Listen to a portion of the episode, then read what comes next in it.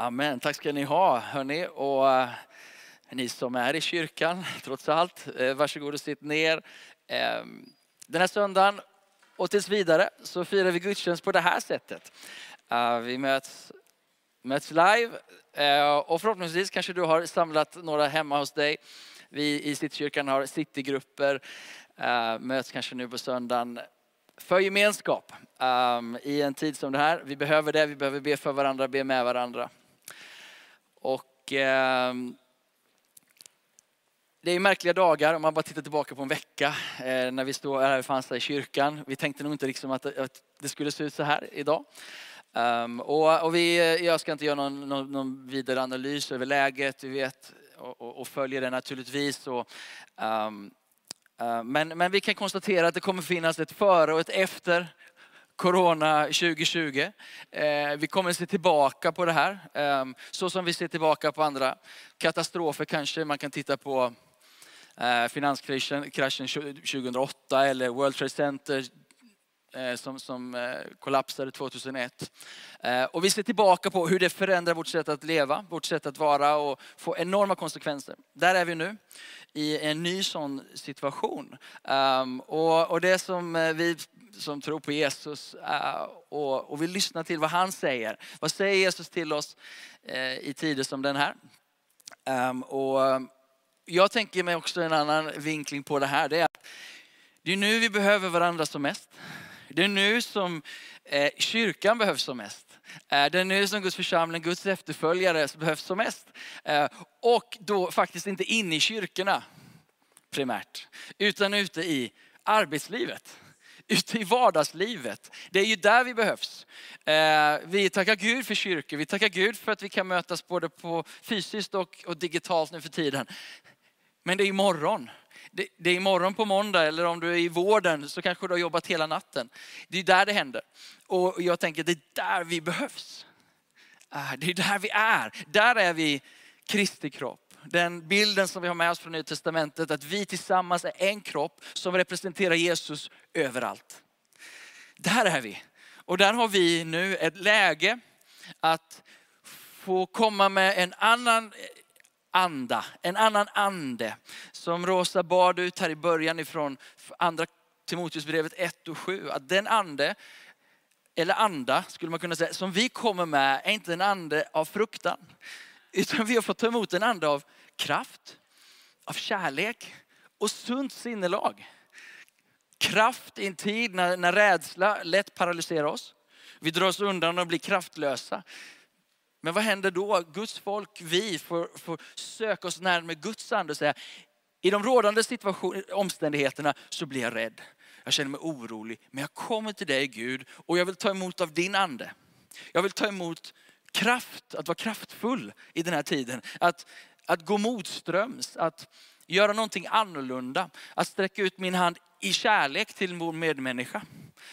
Ehm, att få tänka på någon annan. Att, jag, som säkert många har erfarenhet av, de där berömda toalettrullarna nu. I torsdags så, så var jag på, på affären och hade ännu inte liksom fattat krisläget. Nödläget kopplat till toarullar. Eh, jag fick ett, ett, sms precis när jag gick där bland hyllorna på Coop och så, så skrev han till mig, har du bunkrat toalettpapper? jag visste inte att det var hårdvaluta, men jag förstod det med handsprit. Men, men eh, så gick jag fram till hyllan på Coop och bara, jaha. Fyra paket kvar. Nere i hörn, så här torrt papper som man inte vill använda. Eh, hårt, liksom sandpapper. Så, så, så, jag, tog, jag tog två paket och en annan kund tog de sista två paketen. Eh, så vi, vi är säkra hemma nu. Några dagar i alla fall. Ehm, och det där kanske är den, den lindrigaste konsekvensen. För vi vet att människors liv är i fara. Vi vet att många människors arbete kommer att bli påverkade. Arbetslösheten i det här landet och över världen kommer att bli drastiskt påverkad. Och, och det där igen, Guds församling, du som tror på Jesus, eller alla människor tillsammans har vi möjlighet att få göra någonting nu. Um, som uh, gör att det som kunde blivit katastrof kan faktiskt vändas till något gott. Eller hur? Det är den inbjudan vi står inför. Och därför behöver vi göra någonting som Bibeln uppmanar oss till i, eh, från Jeremia. Det är min text idag. Jeremia kapitel 29 eh, och vers 1 till 13. Eh, och ni som möts hemma eller om du sitter själv, eh, ta gärna fram din bibel. Jag ska läsa eh, 13 verser, ehm, eller nästan till 14. Så här står det.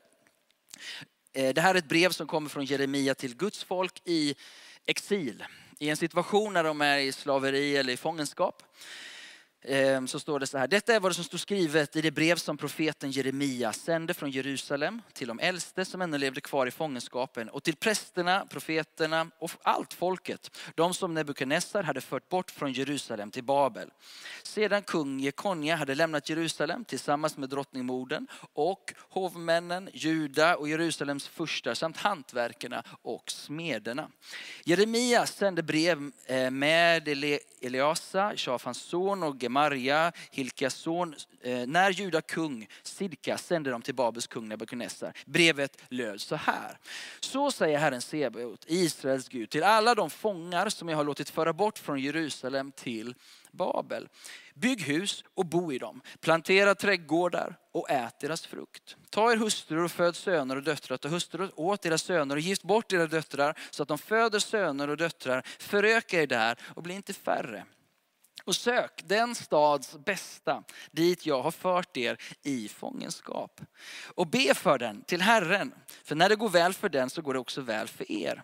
För så säger Herren Sebaot, Israels Gud, låt er inte luras av profeter som finns bland er, inte heller av spåmän och lyssna inte till de drömmar som ni drömmer.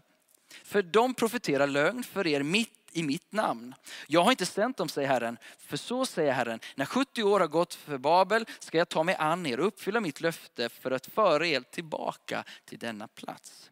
Jag vet vilka tankar jag har för er, säger Herren, nämligen fridens tankar och inte ofärdens för att ge er en framtid och ett hopp. Och lyssna, ni ska kalla på mig och komma och be till mig och jag ska höra er.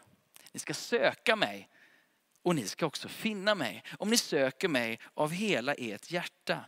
För jag ska låta er finna mig, säger Herren, och jag ska göra slut på er fångenskap. En massa hopp i de här verserna. Och också en del instruktioner och input eh, i en, i en riktigt svår situation. Ehm, så jag ska ta med, mig, ta med dig in i mina tankar lite grann. Några tankar på den här texten. Ni som möts hemma får gärna fortsätta och prata med varandra om vad är det vi hittar i den här texten som faktiskt Gud säger till oss och uppmanar oss och som vi också kan tillämpa ehm, i den här tiden. Ehm, men det som är uppenbart, eller det finns några saker som sticker fram i alla fall och det är uppmaningen till bön. Uppmaning till bön, uppmaningen att söka Herren, och få finna honom. Uppmaningen att be för staden. Eh, det är liksom hållningen i den här situationen. Varför? Jo, därför att vi blir inte tillvända den här världen, vi blir inte tillvända oss själva eller vår egen förmåga, utan vi vänder oss och blir tillvända Gud. Det är det stora i varje given fångenskap, slaveri, kris. Och på ett sätt så är vi ju då i någon form av fångenskap. Länderna stänger sina gränser och, och vi uppmanas att isolera oss. Um, och, och, jag tyckte det var lite komiskt, jag tror det var Joel Halldorf som skrev någon replik på Kinas åsikter om hur Sverige sköter den här krisen. Eh, och då skrev Joel, Joel Halldorf att, jo men Kina ni måste förstå att vi lever i konstant karantän och eh, social isolation. Så det blir inget problem det här för oss att reda ut. Eh, jag vet inte om det är sant men eh, ehm, men i alla fall, den här fångenskapen, ehm, det är ett, ett, ett verkligt tillstånd. Och i den så säger Gud, uppmanar Gud oss att be. Och vi vänder oss i bön, som jag sa inledningsvis, att få kraft. Inte då leva och orientera oss utifrån fruktan. Utan Gud, ge mig kraft. Ge mig kraft att, att fatta beslut. Ge mig kraft att agera. Gud, ge mig kraft på insidan. Jag söker det. Och hur söker vi det? I bön. Vi vänder oss till Gud. På riktigt, mina vänner. På riktigt. Att, att det som blir kris blir tillvänt för Guds folk. Det som blir kris och problem gör att hjärtats orientering blir, blir Gud. För hos Gud finns kraft. Och hos Gud finns kärlek. Att få operera i kärlek i en tid av fruktan. Bibeln säger att kärlek driver ut fruktan. Um, och, det, och, och, hur ska vi kunna leva annorlunda än om, omgivningen om det inte vore för Guds ande? Alltså Guds närvaro i våra liv. Det är där vi har vår kraft. Vi är inte ett dugg bättre än någon annan. Det finns ingenting i mig eller någon av oss här som har det som krävs. Men det finns i Guds ande. Det finns hos Guds ande. Det finns hos Gud. Gud har inte övergivit Sverige eller världen. Gud är inte färdig att döma och förkasta världen. Gud är färdig att älska och rädda den här världen. Gud är färdig att gripa in. Jag tänker på en, en, en grej som hände i apostlagärningarna. Det finns en profet där som heter Agabus. Och han säger, det är på vägen svält. Det är på vägen svält över världen. Men han pratar ingenting om att nu kommer Guds dom. Utan han uppmanar Guds församling att orientera sig in i detta på ett sätt så att vi är förberedda. Är du med? Alltså, vi kan vara profeter av alla slag och vi pratar om Guds domar över Sverige och allt vad det kan vara. Men jag hör inte det budskapet i Nya Testamentet. Och jag tänker på en sån som Josef till exempel i Gamla Testamentet där Egypten får på vägen i torka. Men först är det sju feta år. Bra år. Och Gud förmedlar sin vishet rakt in i den situationen så att torkan lindras. Så att, så att det inte blir så illa. Eh, där har du gamla testamentet. Det är klart att det finns domar i Bibeln. Det finns eh, tider när Gud överlämnar åt oss åt vår egen dumdristighet. Så är det. Men vår hållning som Guds folk nu är inte att ställa oss på den sidan av myntet. Utan det är att ställa sig på andra sidan och söka vår stads bästa. Det är vår hållning i detta, är att röra oss in i staden som ett bedjande folk. Jag blir lite, okej? Okay? Vi, vi kan inte sitta här och, och försöka, det är inte vår roll, det är inte vår roll att spela Gud. Vår roll det är att uppfatta att vi är i en fångenskapssituation och Bibeln säger sök din stads bästa, be för den nu. Så att vi får kraft, kärlek och sunt sinnelag. Så att våra tankar blir sunda. För vi vet själva hur lätt fruktan, hur lögner och det ena med det tredje vill skruva det här sinnet. Vad gör vi då? Vi stillar oss eller vi går, går inför Gud. Vi ber, vi tillber, vi prisar honom som har all makt i himmelen och på jorden. Och så säger vi, vi fattar inte detta. Jag känner mig rädd, men i din ande finns ingen rädsla Gud. Fyll mig med din ande. Så att vi kan röra oss annorlunda i staden. Okej? Okay? Så det första är be. Det andra är att arbeta. Det är fantastiskt. Vi går tillbaka till Luther. Ora et labora, bön och arbete. Det är svaret i alla tider. Men särskilt i kristider. Aldrig har man väl varit så tacksam för liksom transportbranschen som kan transportera hit toalettpapper. Aldrig har man väl tänkt på att vi har faktiskt pappersbruk i Sverige. Vi har toalettpappersproduktion i Sverige. Tack gode Gud för den industrin. Nej men på riktigt, tänk vad tacksam man blir för sjukvården, för hjältar som står på golvet och möter det här just nu. Hela vårt samhälle som har mobiliserats för att ta oss ur den här krisen. Jag gillar budskapet som kommer från flera håll. Vi står tillsammans, vi behöver tänka tillsammans. Det finns någonting av det gemensamma. Och i det, tänk att det finns ett gudsfolk. Att det finns ett gudstillvänt folk i folket som inte bara jobbar med hjärnans förmåga utan dessutom tankar ner himmelsk uppenbarelse. Förhoppningsvis. Jag kanske ska lugna ner mig lite. Men en hållning i det här mina vänner. I bön där vi kan få ta emot instruktioner, vishet. Vi har Bibeln full av de här berättelserna. Individer som i krislägen bara gör något annorlunda. Tänk på Ester.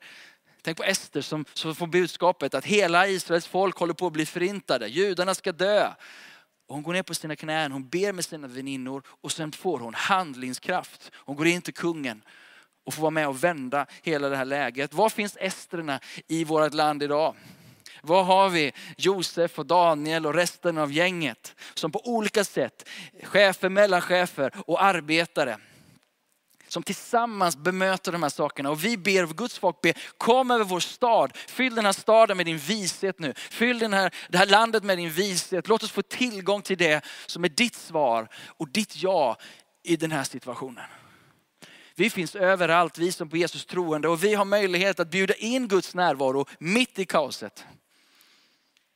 Du kanske inte känner dig som en hjälte, men den där lilla saken, den där lilla.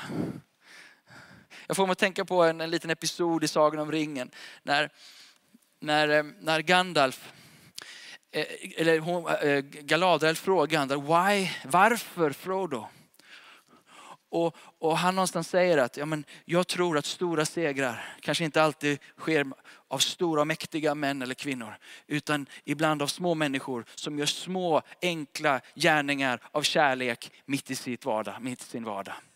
Tänk om det är så att det här handlar inte om, vi är glada för alla politiska ledare som tar ansvar. Vi är glada för om man inte tar politiska poäng i den här tiden utan på riktigt försöker lösa.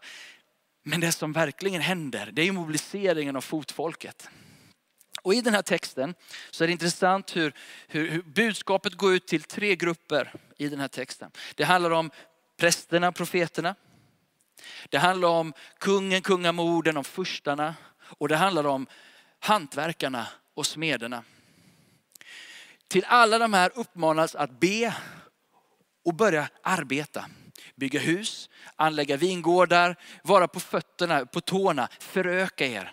Stanna inte av nu när ni är i fångenskap, utan fortsätt arbeta utifrån den vishet ni får när ni ber prästerna och pastorerna, eh, hederskapet på det sättet. Får vi, jag som representerar det, får från mitt håll göra vad, vad vi och jag kan. Eh, det som handlar om ledarskapet i, vårat, i vårt samhälle, vi välsignar vårt ledarskap. Vi ber för dem som Nya Testamentet säger. De får göra vad de kan. Men jag tackar Gud för hantverkarna och smederna.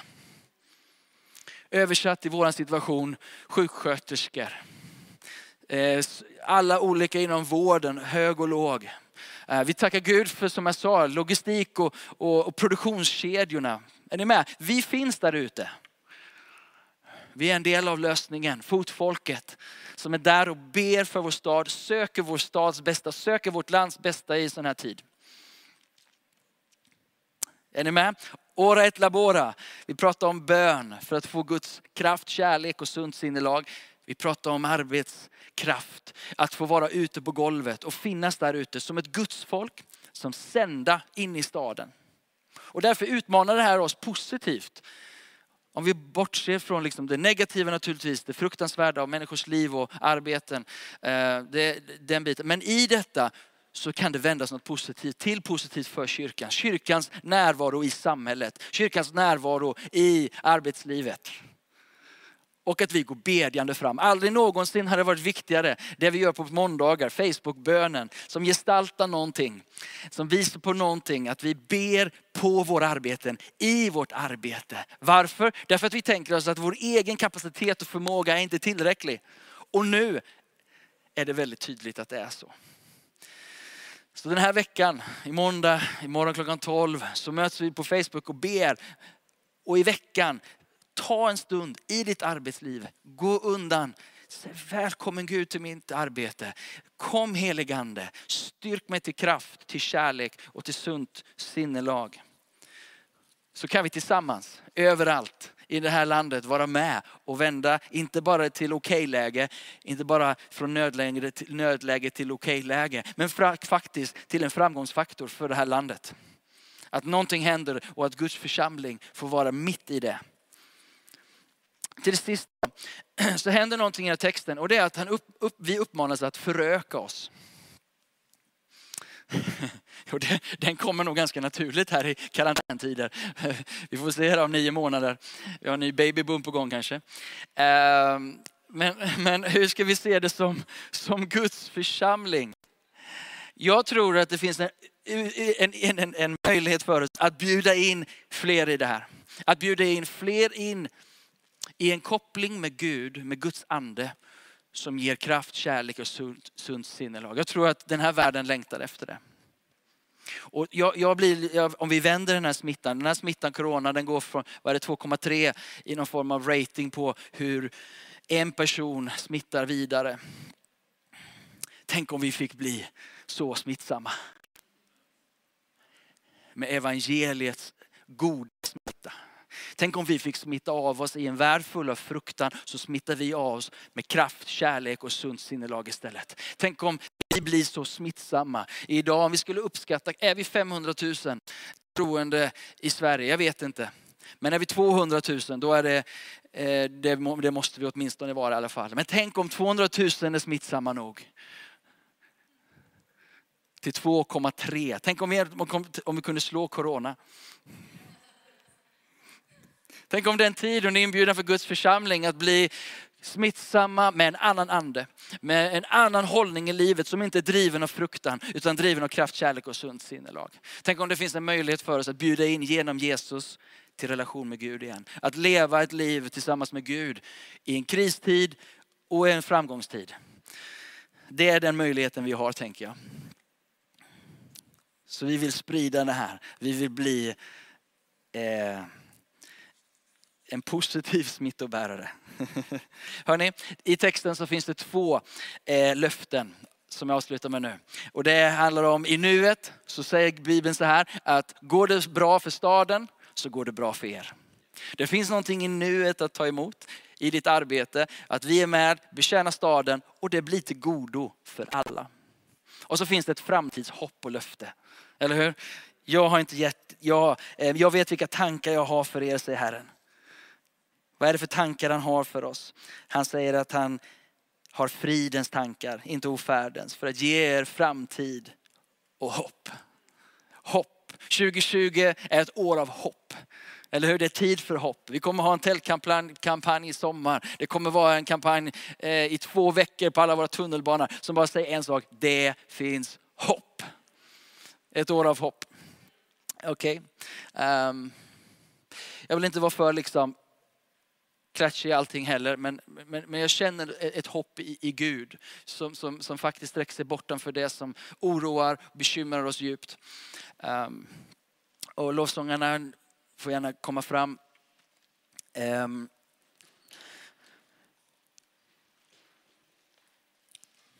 och som jag sa inledningsvis här, den här texten, eh, sitter ni hemma i er sittergrupp eller tillsammans med några vänner, fortsätt och gräv. Eh, en predikan så här, det handlar egentligen om att stanna upp. Och, och upplevde jag den här texten som relevant utifrån, jag tror att Gud vill säga någonting. Och så stannar man upp och så tuggar man på texten och så börjar Gud tala. Gör detsamma. Är du själv eller tillsammans med några andra, ställ frågor till texten. Se vad du kan lära dig och vad du kan tillämpa. Eh, så, så, kanske det också är en inbjudan den här tiden att, att bli kyrka i vardagen, bli kyrka i hemmen. Kyrka är inte lokal, kyrka är ett folk. Eh, och det är vad vi drömmer om, att vara ett folk överallt som inbjuder Guds närvaro. Ehm, och förmedlar Guds rike där vi går. Så ska vi avslutningsvis be, be tillsammans innan vi också tillber. Eh, och välkomnar Gud, söker vår stads, stads bästa. Eh, den här kommande veckan så kommer våra övriga verksamheter och så vara öppna. Vi kommer ha bön på tisdag. Ehm, och vi har vår bön på arbetsplatsen. Vi kommer göra vad vi kan för att öppna vårt bönerum så fort vi kan. För vi tror att bönen är vägen igenom den här tiden. Så Gud i himmelen, alltid närvarande. Alltid där. Alltid så eh, mån om oss människor, de du älskar så högt, att du sänder din son för att dö vårat ställe. Du sände inte Jesus för att döma oss utan för att frälsa oss, för att rädda oss. här. Och jag ber nu för särskilt den som kanske tittar och inte brukar gå till kyrkan. Jag ber att du skulle möta med den personen där de är, kanske i rädsla, kanske är sjuka i sina kroppar. Men du är starkare än både sjukdom och fruktan. Du är starkare än döden själv. Du uppstod på den tredje dagen. Och jag ber Fader för, för den som, som, som tittar och jag ber för vår stad. Att den här staden och vi tillsammans skulle bli mer medvetna om vem du är, vad du har gjort och genom Jesus förmår. Jag ber Gud att du möter var och en av oss och vi ber att den här tiden skulle inte vara en tid där vi drar oss undan varandra utan vi skulle komma närmre varandra trots den isolation som vi uppmanas till. I Jesu namn ber vi. Amen.